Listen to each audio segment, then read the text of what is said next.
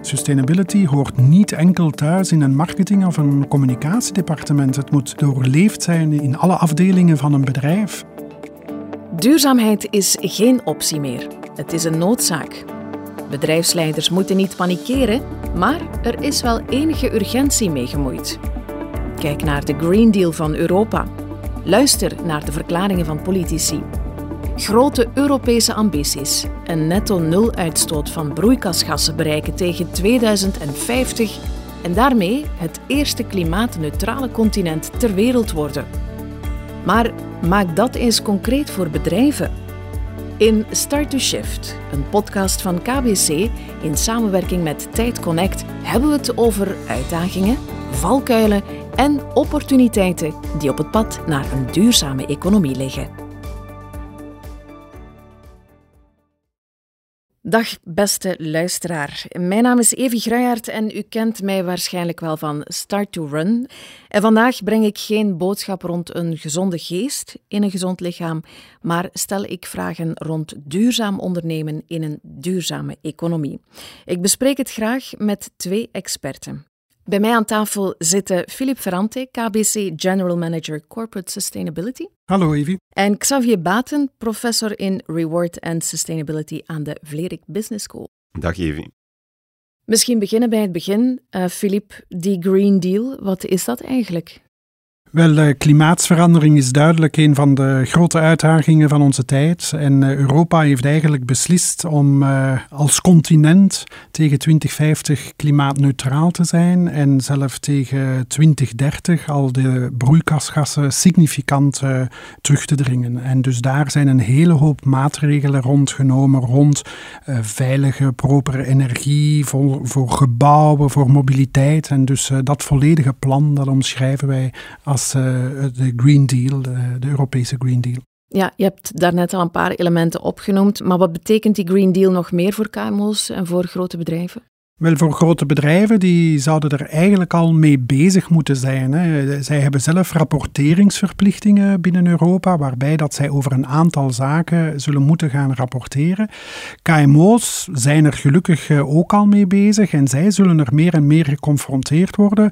Bijvoorbeeld een KMO die eh, levert aan een groot bedrijf. Wel, dat groot bedrijf zal bepaalde informatie en data beginnen op te vragen, ook aan die KMO.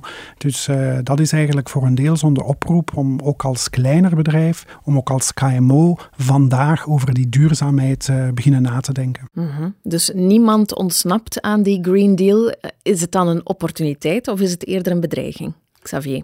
Goh, ik, het kan beide zijn. Ik bedoel daarmee, als, als een KMO of als een bedrijf eigenlijk vasthoudt aan een verleden waar dat we min of meer wat, wat opereerden op een eiland, ja, dan zal men het waarschijnlijk zien als een bedreiging. Maar wat dat we zien de laatste tijd, is dat men zich begint te realiseren dat een bedrijf een integraal deel uitmaakt van een maatschappij. En daar dus ook taken heeft en met een aantal dingen moet rekening houden. En bovendien, het leuke is dat het kan aanleiding geven tot heel leuke innovaties, ook op technologisch vlak. We mogen niet vergeten dat het ganse gegeven van de Green Deal, het milieuaspect enzovoort, dat daar een, een heel rijke technologisch aspect bij zit. Uh, kan ook te maken hebben met ontwikkelen van medewerkers, nieuwe producten, nieuwe processen ontwikkelen. Dus ik ben ervan overtuigd, er zitten heel grote opportuniteiten in. Maar we mogen ook niet vergeten, we praten per definitie over de lange termijn. Mm we mogen het ook niet te eng bekijken, denk ik. Hè? Want bij duurzaamheid denken we nogal snel aan bedrijven die met groene technologie werken. Maar duurzaamheid is ook een thema voor ondernemingen in alle sectoren, hè? groot en klein. Hoe ziet die transitie naar duurzaamheid er bijvoorbeeld uit voor, ik zeg maar iets, een koekjesfabrikant of een meubelmaker, een keten van rust- en verzorgingstehuizen, Filip? Ja, in alle sectoren zal die aanpak uh, waarschijnlijk een beetje verschillend zijn. En het is ook belangrijk dat uh, die sector en dat bedrijf in die sector kijkt naar wat voor hen net het verschil kan maken. En soms zal dat op milieuvlak liggen, soms ook op totaal andere vlakken. Denk ik ook, Xavier, duurzaamheid is ruimer dan enkel milieu. Wel, wat je ziet is dat, dus dat dikwijls het woord ESG wordt gebruikt, eigenlijk van Environmental, Social and Governance. Dus duurzaamheid is een zeer rijk thema, met milieudimensies naar emissies, waterverbruik en heel veel andere zaken.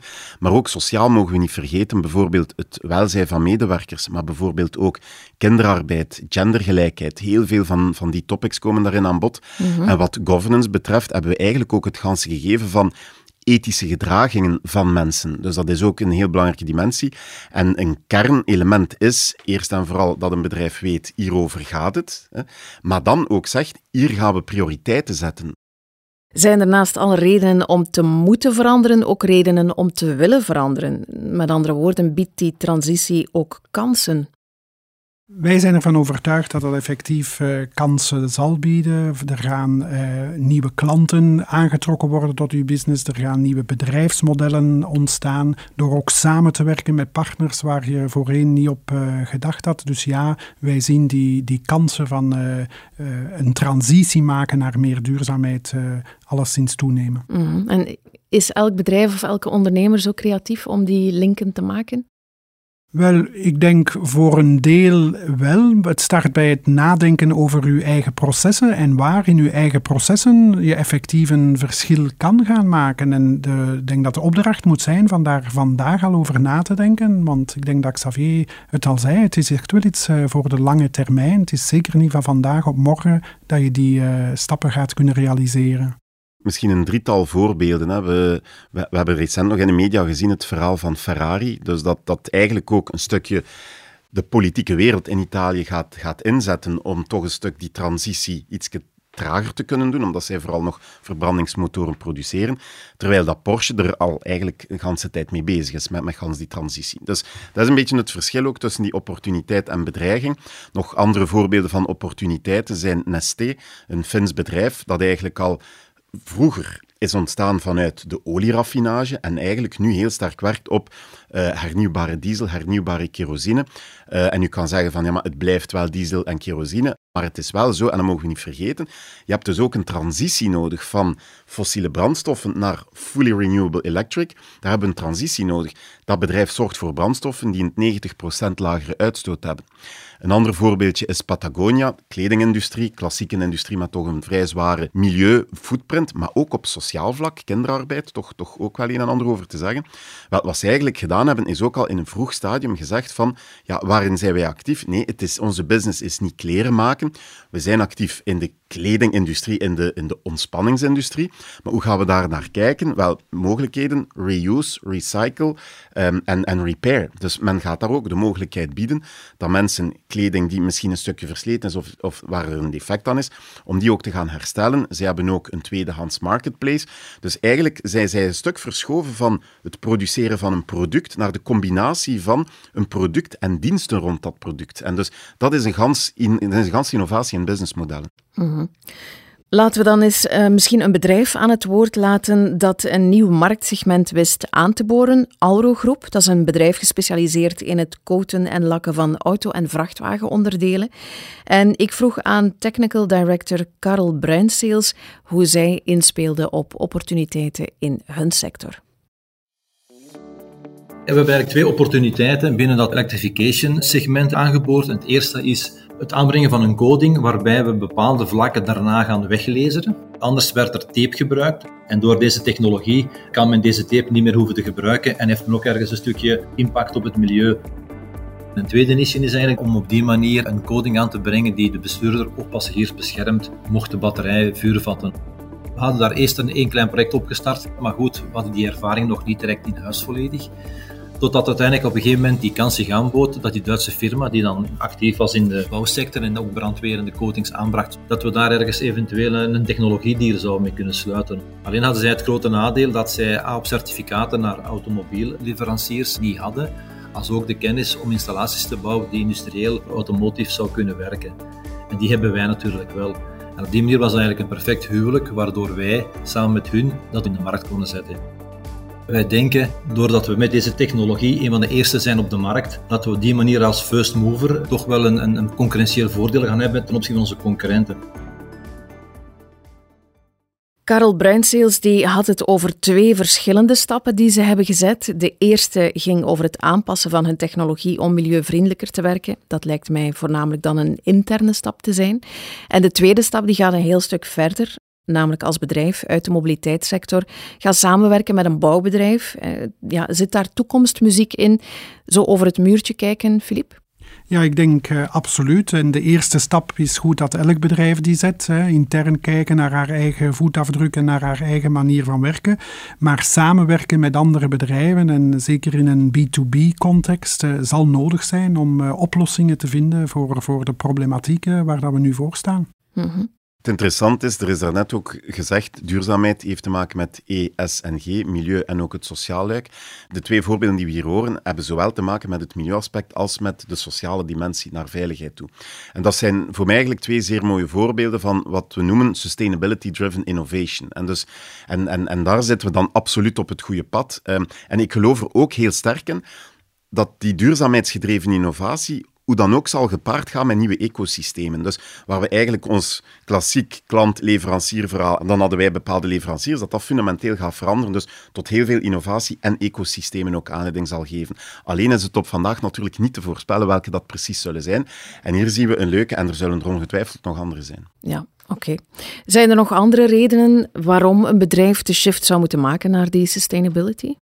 Wel, ik denk ook uh, vanuit risico-oogpunt uh, moeten bedrijven beginnen kijken naar duurzaamheid. Heeft dat dan te maken met uw fysieke locatie? Hè? Uh, heb je bijvoorbeeld water nodig tijdens uw productieproces? klimaat zal de watervoorraad beïnvloeden. Evenzeer stoot je veel broeikasgassen uit. Ja, het, het, moment dat overheden u zullen komen belasten rond uw koolstofuitstoot. Dus puur risicomatig is het al goede bedrijfsvoering om daarover na te denken.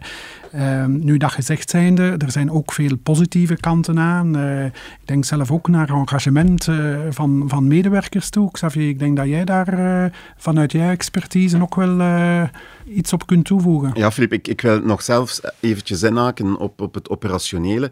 Um, want ik denk dat er ook een positief verhaal zeker en vast bij zit, omdat bedrijven dankzij die focus op duurzaamheid ook efficiënter gaan produceren. Ik ben er zelf van overtuigd dat als we binnen 100 jaar gaan terugkijken uh, op, op de periode die achter ons ligt, dat, dat onze nakomelingen gaan zeggen van wat deden jullie met de aarde? Hoeveel zaken gooiden jullie weg?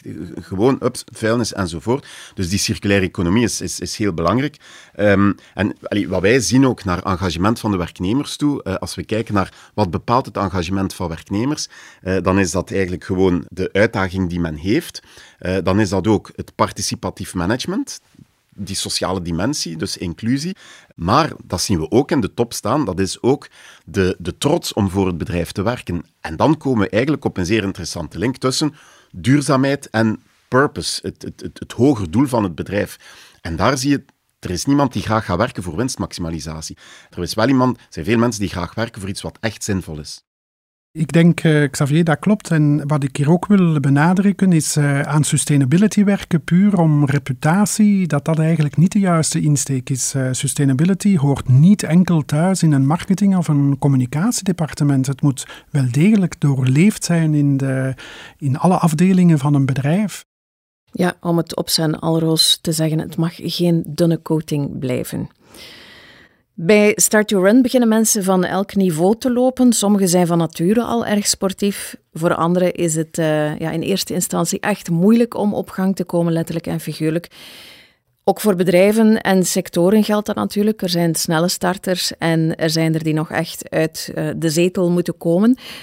Filip, uh, ja, dat is absoluut juist. In sommige sectoren zijn er nog niet echt technologische oplossingen. In andere sectoren zijn er die wel al en daar zouden we net heel snel op moeten inzetten. Ik geef een voorbeeldje. Eh, CO2-vrij staal maken. Oké, daar zijn al topbedrijven mee bezig. Veel R&D, veel innovatie, maar dat is er nog niet op grote schaal.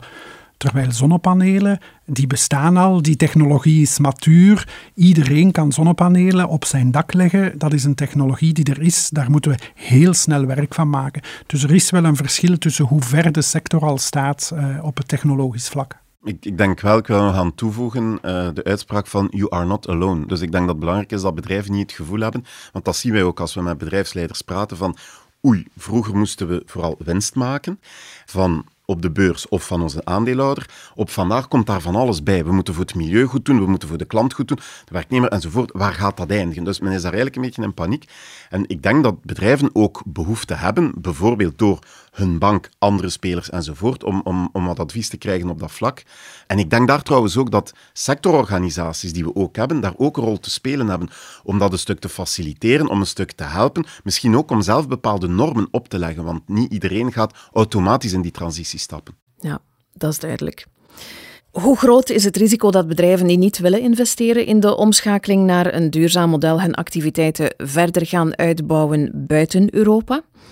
En kan Europa daar iets aan doen? Ja, Europa loopt misschien wat voorop, maar ook in de Verenigde Staten is dat bezig. Zelf in China, die lang aanzien werd als de slechterik in het klimaatdebat, ook daar zijn beslissingen genomen om eh, klimaatneutraal te worden.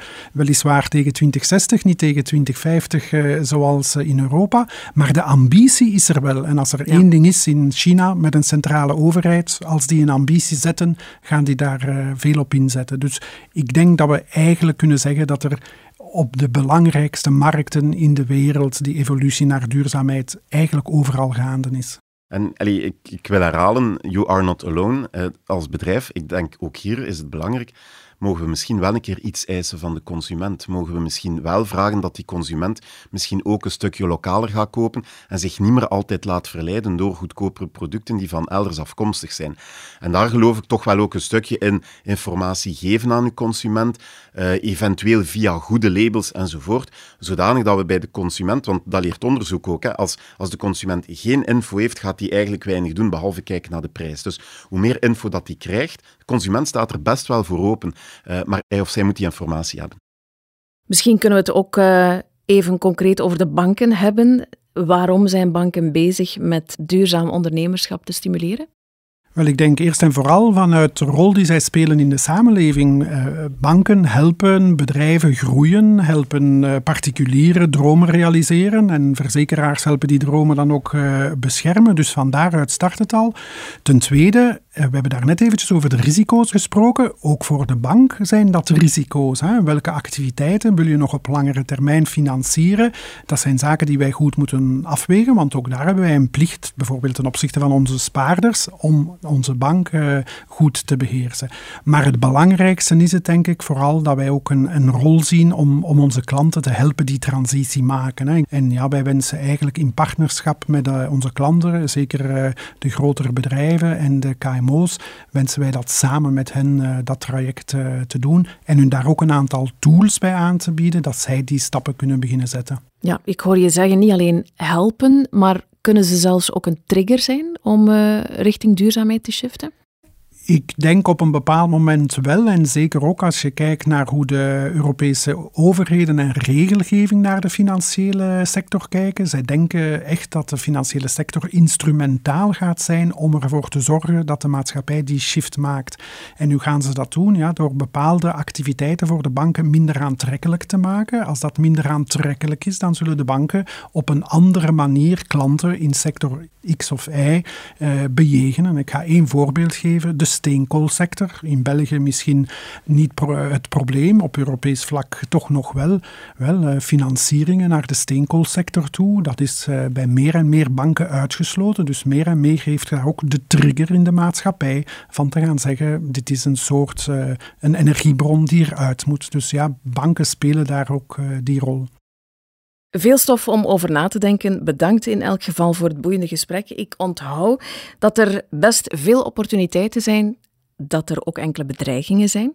Ik neem ook mee dat er nog wel wat werk is aan de groene winkel, maar dat we er op lange termijn zeker aan vastkomen. Dankjewel, Philippe Ferrante. Graag gedaan, Evie. Dankjewel, Xavier Baten. Met duurzaam plezier.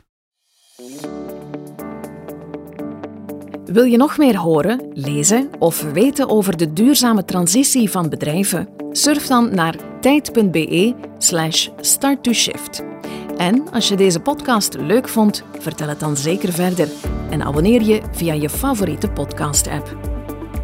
In de volgende aflevering van Start to Shift hebben we het over de kritische succesfactoren die ervoor zorgen dat bedrijven een geslaagde transitie kunnen maken naar een duurzame onderneming.